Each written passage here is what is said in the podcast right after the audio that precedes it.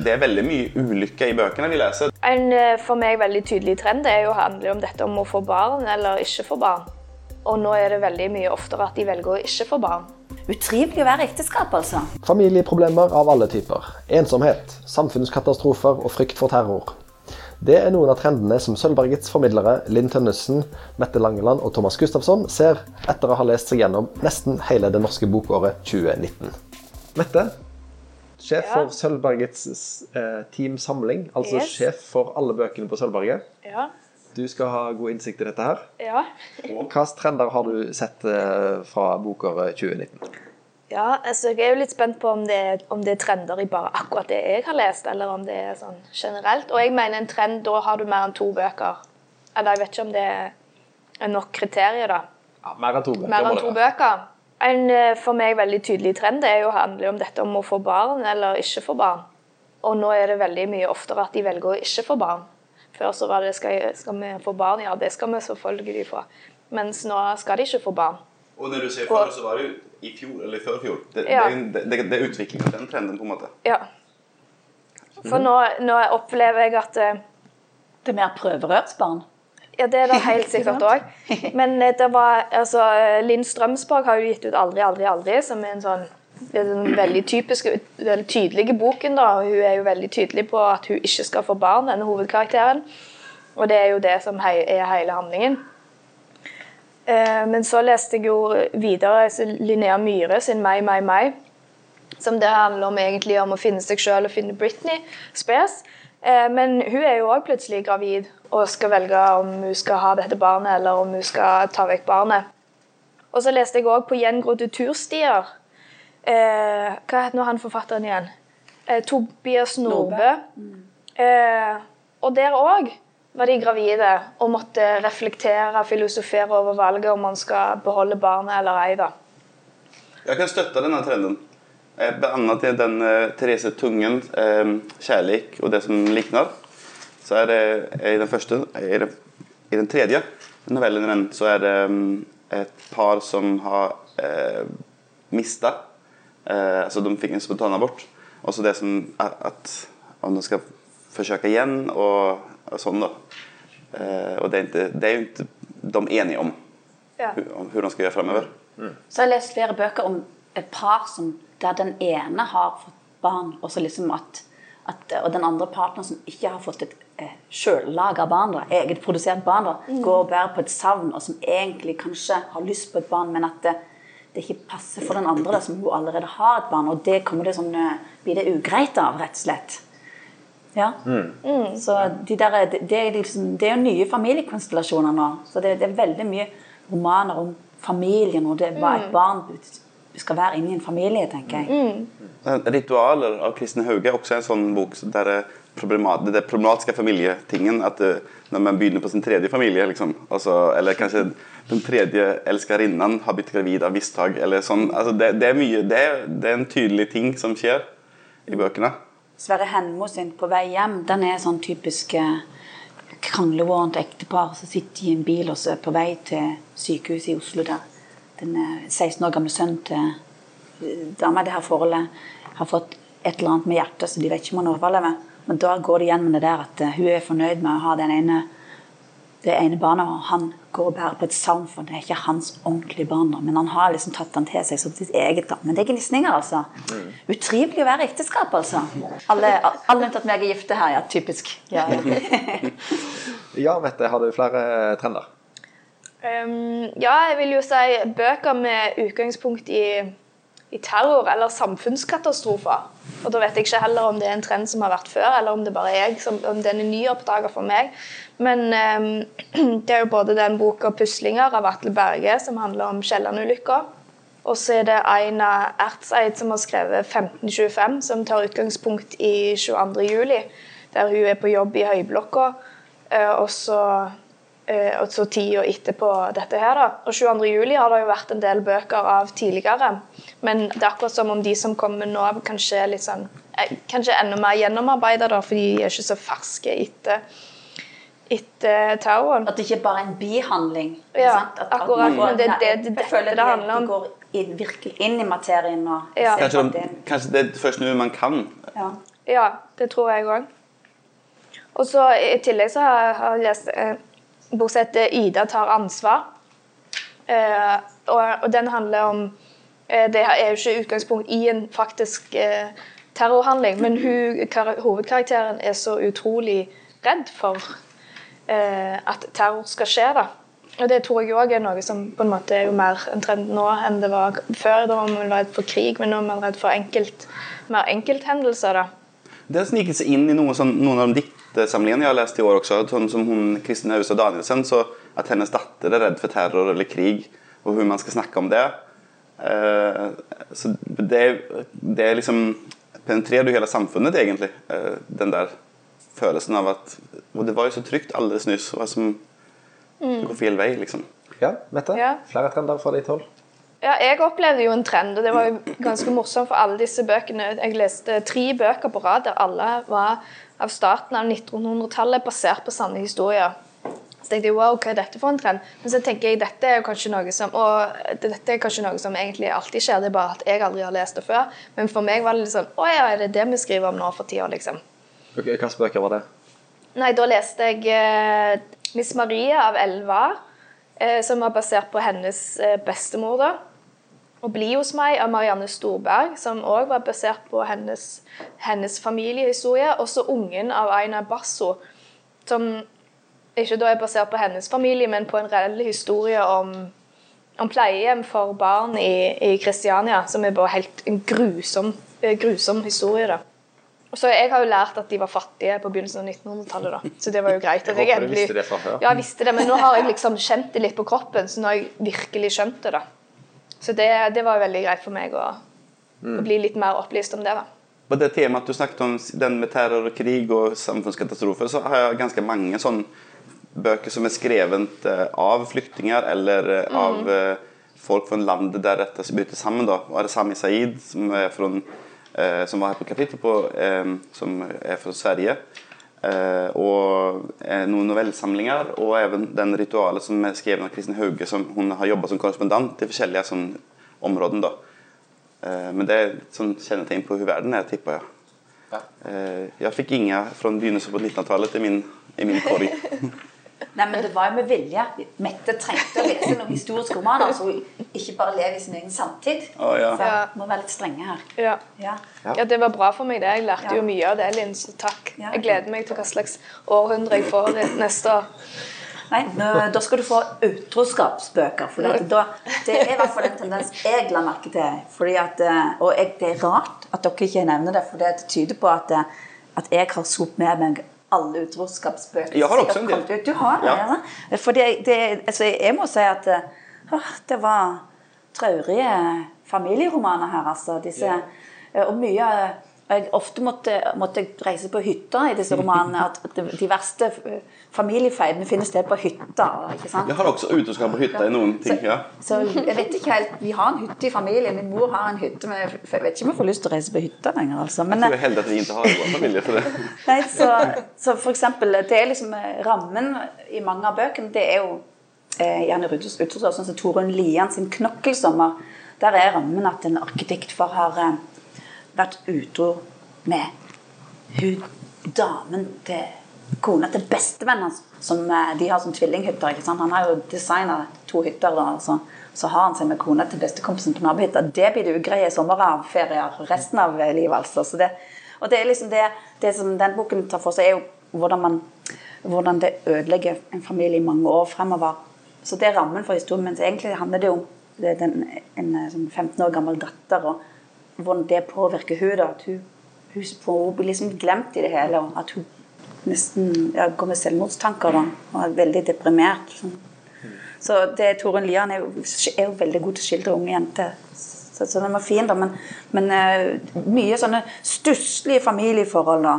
Ja, Sverre Henmo på vei hjem, som jeg nevnte òg. Det, det er liksom ekteskap som går i, i stykker.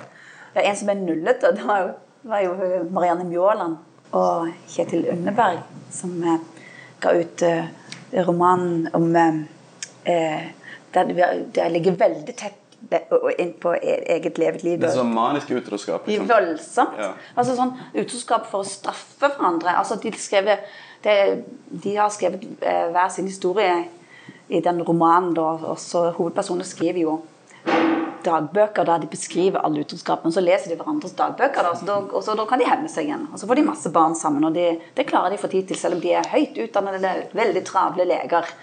Så jeg, jeg er imponert. Jeg har en, en bok med utroskap som ikke er så forferdelig som dine. Den der smilefjes, tommel opp, regnbue av Victoria Durnak. Det, det, det sentrale på den er jo eh, en mulig utroskap, da. Men den er jo gøy, og mest gøy, egentlig. Mm. veldig lettlest. Den er ikke sånn at du syns synd på noen her, egentlig. Og, og den um, bestselgende utroskapsromanen fra i fjor er vel 'Full spredning' av Nina Lykke. Ja. Som også går i det samme Nina Lykke-sporet med utroskap. Andre ting, Linn? Um, nei, det var med flere frem. Det er ikke ferdig med utros- utroskap ennå, altså. Å, nei, nei, nei. Å, nei, nei. Erlend Kaasa han eh, skrev en bok som heter 'Men ikke Maria'. Og den, eh, der er det utrivelig, altså. Der finner kona i familien seg en litt eldre, litt kvapsete elsker. Mens mannen i familien, han tar for seg av eh, denne, og, en, eh, en au pair fra? Albania. Albania, ja. Og det viser seg at hun er en sort enke. En terror... Terror... Spion, au pair. eller noe sånt. Ja. Her har vi Som- som er- to trender på en gang. Terror og ja, veldig. Og det er, men men eh, altså det samlivet der er veldig godt beskrevet. Altså. Så når, når den sorte enken kom til slutt, så tenkte jeg ja, ja, det ble litt mye, kanskje. Så egentlig syns jeg romanen var veldig god helt til den der sorte enken kom og virkelig skulle radbrekke ekteskapet. Uh, veldig, tar seg opp veldig spenn, spennende mann på slutten, altså. Så eh, der var det god gang. Og så har du en annen debutant som jeg eh, likte. Det er Hilde Røe Larsen, som har skrevet en fin liten roman som heter 'Sommertid'. Men der går det egentlig på et ektepar som er veldig godt voksne. Mannen er litt eldre enn kona, har blitt pensjonist og så strever litt med å finne mening i tilværelsen. Han går bare og duller med denne kona som er journalist i Aftenposten, tror jeg, og liksom er enda oppegående. Og hun kona holder på å bli galen, for han følger etter og pusler rundt og legger fram serviett og skjærer opp skiven hennes og sånt. Og hun, hun bare holder på å spy. Så det er veldig utrivelig der òg. De er liksom ikke lever lykkelig lenge alle sine dager. Og hun er hun er på leit etter noe, de har mistet gnisten i forholdet, og hun har seg med en kollega på kontoret, og det er skitten, og det er ikke fint, altså. Men, eh, men, men samla sett syns jeg den, Særlig han eh, pensjonisten, han, han, det ordner seg litt han på slutten, altså. Jeg vet ikke hvordan det går med hun og kona, men jeg føler han, han var trivelig. Det går bra.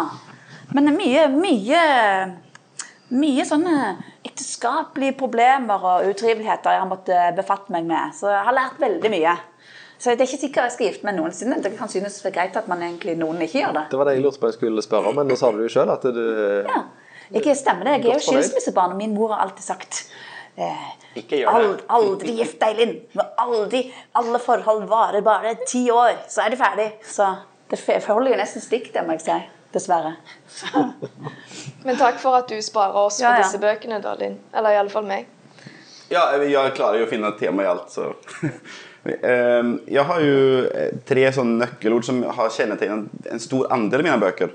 Eh, Det med oppvekst. Eh, Stort sett ulykkelig oppvekst. Vi har lest han Bjørn Arild Ersland om en, en, en ulykke i hans barndom. Eller det er hans barndom, men i fortellerens barndom. Den å bære nakne nykler, en oppvekst i landsbygden. Ehm, veldig, veldig mange bøker som handler om oppvekst i mine. 'Snøen stryker ut av deres spor' av eh, Seljestad. Jeg husker ikke hva han heter fornavn. Lars Ove. Ja. Ja. eh, Så alle de her likte jeg veldig godt, og de, alle de handler om eh, Den tunne bøker handler om, om barndom. Og så eh, ensomhet. Det har vi snakket om sist gang vi snakket sammen. Og det med å reise tilbake til der du kom fra. F.eks. Hardanger, den av av Marit Eikemo. Eh, per Helge Gjenbergs 'Bernhard Nykler' reiser tilbake. 'Passasjerhistorier' av Ylva Østby. Det handler jo hele, hele novellesamlingen om forskjellige minnen. da, og Det er ofte at du vender tilbake. liksom. Det skjer jo òg i det Kristin Walla sin 'Ut av det blå', at hun reiser tilbake igjen til, Der hun kommer fra. hun kommer fra. Ja. Familien og sånn. Familien og sånt. Ja, i alle disse ekteskapene. Sant? Det er jo det at når man, man er jo når det ikke fungerer i ekteskapet, så er man jo òg ensom. Så det, det er noe som Ja. går igjen. Sånn som den, var veldig fin en roman til Maria Robert som heter 'Voksne mennesker'. Der er det jo, eh, der er det jo eh, to damer som er søsken, da, der den ene ikke har fått seg mann og barn, og som ikke får til livet sitt. Og så er hun misunnelig på søsteren som har mann, og så til og med blitt gravid med barn nummer to. og Det er bare til å spy av. Det er så misunnelse. Og de drar på hytta da, og da er det utrivelig det, og der er det også utroskap. Det er, litt, eller det er sånn at hun, Søsteren prøver å ødelegge ekteskapet til søsteren. Ja. Altså, hun, hun skjenker typen til søstera full på, på hytteverandaen, ikke sant? og så driver hun og kliner med han han er helt dritings. Så det er veldig pinlig. Veldig flaut. Men det er veldig godt skrevet, da. Så det er ikke sånn man får lyst til å gjøre selv, da. Det er jo bra. Altså, siden vi sa at man måtte, referansepunktene måtte være enten Morgenbladet eller eh, Le Monde Diplomatikk, var det det? Så, så har jeg en sånn eh, en kommentar fra Morgenbladet for noen uker siden der eh, en sosiolog som heter Gunnar C. Åkvåg med dobbel A eh, om han, han mener at man kan ikke lese norsk skjønnlitteratur eh, for, å- for å få referanse til hvordan det egentlig er i samfunnet. Han mener at forfatterne skriver som om han siterer da, samfunnet er en gigantisk elendighetsmaskin hvor nordmenn generelt og middelklassen spesielt lever ufrie og meningsløse liv. Han har mange sånne ting at eh, de gneller helt nødvendig, for de er den frieste klassen i verdens frieste land. Så det kan være en trend da. Dels, men dette ble jo en sånn stille krig i Morgenbladet etterpå, for det var jo mange som var uenige med han da. Og, og, og så har han liksom overfladiske poenget, synes jeg, for bare fordi at du har mye penger, så betyr det ikke at du er lykkelig. Det er jo ikke det som gjør at man blir lykkelig. Eh, så han altså litt sånn korttenkt kanskje, men det var jo et interessant ting at det, er veldig mye ulykke i bøkene vi leser. Det er ikke så mange bøker som bare er bare glade, liksom. Den tristeste oppvekstromanen det er jo han Bård Torgersen sin, som heter 'Lengter, knuser, slår'. Den var Mm. veldig bra. Litt vanskelig å fortelle om det, men den handler jo om et vennskap mellom to gutter eh, i, utenfor, i Oslo. Det- Som, som bare Når de vokser opp, så gjør de mye faenskap, og så eskalerer det. De er ikke egentlig interessert i å De har ikke noen voksenpersoner som, som tar vare på dem og som hjelper dem til rette. Så de, de blir bare galere og galere og liksom egger hverandre opp til, til å bli enda verre. da. Det er liksom ikke noe Den der roseromanen også var sånn på en måte oppvekst, sant? Ja, Ja. Men, med helt annerledes. For dette, Ja. det her er, er virkelig skittenrealisme. Jeg syns det var en veldig vellykka roman der du er på skyggesiden av et samfunn, men som føltes relevant, og som det føltes virkelig. For det at det, altså, skittenrealisme, da kan det bli litt påtvunget. Litt sånn Jo Nesbø, skittenrealisme, uh, skummelt samfunn. Uh. men, men den er enormt godt skrevet. Han Bård Torgersen skriver jo kjempegode romaner, men de er veldig triste og leie og forferdelige som regel, så det er litt vanskelig å finne lesere. Men jeg hadde en uh, låner her en dag på biblioteket som spurte kan jeg få en bok som ikke er trist. ja. Det ble vanskelig. Det ble det, veldig det har jeg også ønsket meg av og til innimellom. Sånn. Og, det, og da, vil jeg, da kan vi rekommendere den der smilefjes, tommel opp, regnbue. Men, er- eh, men eh, vi bor i en verdens rikeste og frieste land. Men Men en- fortelling må jo ha en eller annen eh, Det må jo være et eller annet problem her, eller en Ja. konflikt. Eller, vi kan ikke skrive noen som bare har det bra. For det, Det er blir ikke skrevet veldig mange bøker som ikke har noe konflikt òg, og det er, ikke, det er jo ikke de man husker, da, for de er fort lest og fort glemt. For det må være et eller og det er jo kanskje noe, det er jo veldig mange som har lyst til å være forfatter i dette landet, og det er veldig mange som kan skrive, og så er det veldig mange som har lyst til å skrive en bok. Men det, jeg merker jo det på alt det jeg har lest, at det er jo ganske mange bøker som ikke, ikke har noe drivende kraft bak seg. Og det blir man lei av å lese. For det er jo liksom sånn, det må jo bety noe for en, tenker jeg. Det er i hvert fall de bøkene jeg syns er mest meningsfulle å lese. At når, når noe står på spill, og du, du kjenner det vibrere inni deg når du leser, det en, må bety noe. Så Men, de, men jeg synes, som som du sier, da, at jeg synes det som er litt bemerkelsesverdig, er at det er ikke sånn at ja, de har det ok, og så hender noen ting, og så jobber de seg ur det. Men det er mer en, en det er veldig sånn, helt sånn fortvilet situasjon som aldri verken har vært bedre eller blir bedre i mange av bøkene. Det, det er ganske mørkt, mange, av- av- mye av det som jeg har lest. Uh, veldig bra skrevet, men mye mørkt. Sånn Jon Fosse. Det er ikke akkurat Det er en sånn nabo som er litt rar og morsom, men ellers det er ganske tunge liv. Uh, ja.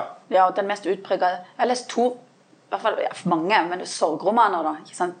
Det er Ole Robert Sunde sin 'Jeg føler meg uvel', der han be, fortsetter å bearbeide sorgen etter sin kone, som er så lammende at han går bare i ring. Han kommer ikke ut av den engang. Men det, det er sånn at du nesten fikk lyst til å grine når du leste det, spesielt første halvdel. Han var veldig. Og så er det en annen bok som heter 'Eira' av eh, Camilla Groth. Hun har skrevet poesi før. Det er hennes første roman. Og der handler det om tap av et barn. da. Men, det, men jeg tror veldig mange kan ha glede av å lese den.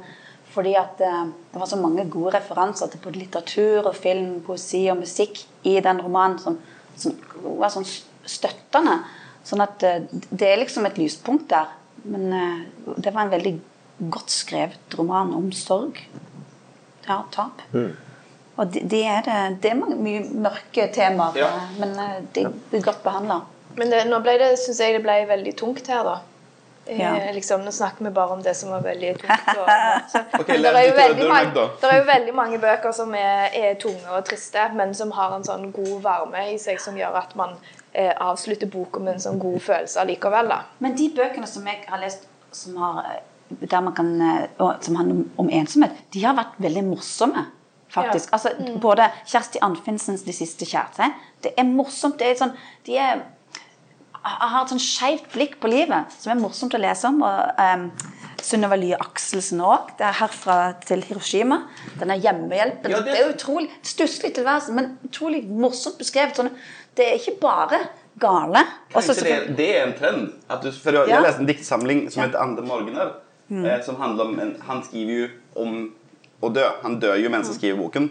Men han, den er jo også veldig morsom, så Ja. kanskje det er også en Og. Dag Solstad og Ingvar Ambjørnsen, ikke sant? Ja. de handler jo om ensomhet. Og, men uh, det er jo, det er jo til å grine latter av hvor fantastisk eh, språk, språket de klarer å pakke historien inn i, og at det er morsomt i tillegg. Men det er sårt om, om ensomhet, men fremstilt morsomt. Og du og personer har det ikke bare ille. Selv om man er ensom, så kan man ha rike liv på hvert sitt vis. Man har Ja. bare valgt seg en slags rar hylle. Der man er Takk, Mette. Da tror jeg vi har dekka oss inn, hvis vi tar uh, stikkordsmessig til slutt, trendene fra eh, 2019. Det er altså å få barn eller ikke få barn. Utroskap, masse utroskap. Særlig på hytta. Særlig på hytta. ja. Og eh, bøker om terror eller samfunnskatastrofer. Eh, Oppvekst, ven- oppvekst og vende tilbake hjem. Ensomhet, utenforskap. Ensomhet. Og at mange av de her temaene behandler med humor. det er håpløst, og vi gir oss ikke. Riktig. Og vi ler mens vi dør. Ja.